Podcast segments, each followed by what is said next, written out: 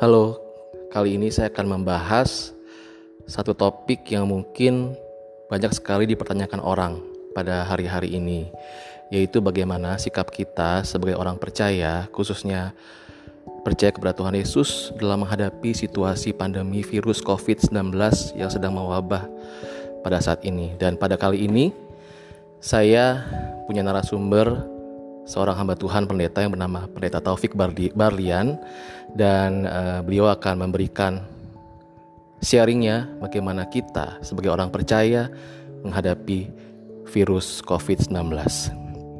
Silakan Pak Taufik.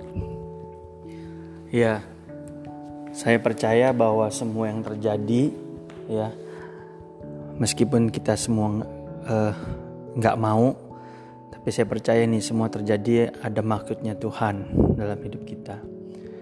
Kalau menurut saya hari-hari ini justru saat-saat di mana kita sebagai anak Tuhan, orang-orang yang percaya kepada Tuhan, Tuhan punya janji. Saat apa namanya saat bumi ini dipenuhi dengan kegelapan, Tuhan janji justru terang Tuhan terbit atas kita.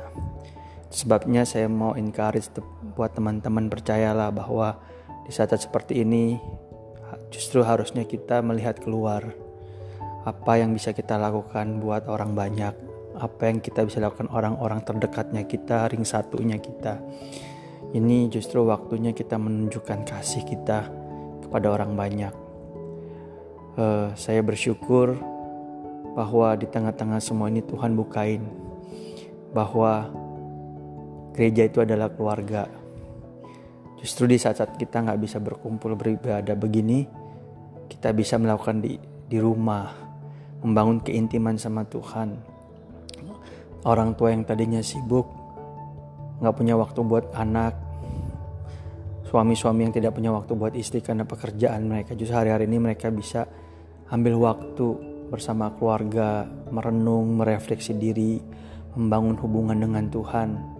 Kita percaya Tuhan berjanji bahwa umat yang mengenal dia akan tetap kuat dan bertindak. Makanya hari ini saya percaya Tuhan ingin kita memperkuat pengenalan kita kepada Tuhan. Dan waktu kita mengenal dia, Tuhan akan beri hikmat, Tuhan akan beri uh, kekuatan untuk apa yang harus kita kerjakan. Dan apa yang kita kerjakan bukan cuma berimbas kepada diri kita secara pribadi, tapi juga bisa menjadi terang bagi banyak orang. Oke, terima kasih Pak Taufik atas sharingnya pada kali ini dan kembali lagi saya mengucapkan terima kasih kepada para pendengar yang telah mendengarkan saya pada kali ini. Semoga menjadi berkat. Tuhan Yesus Kristus memberkati. Udah gitu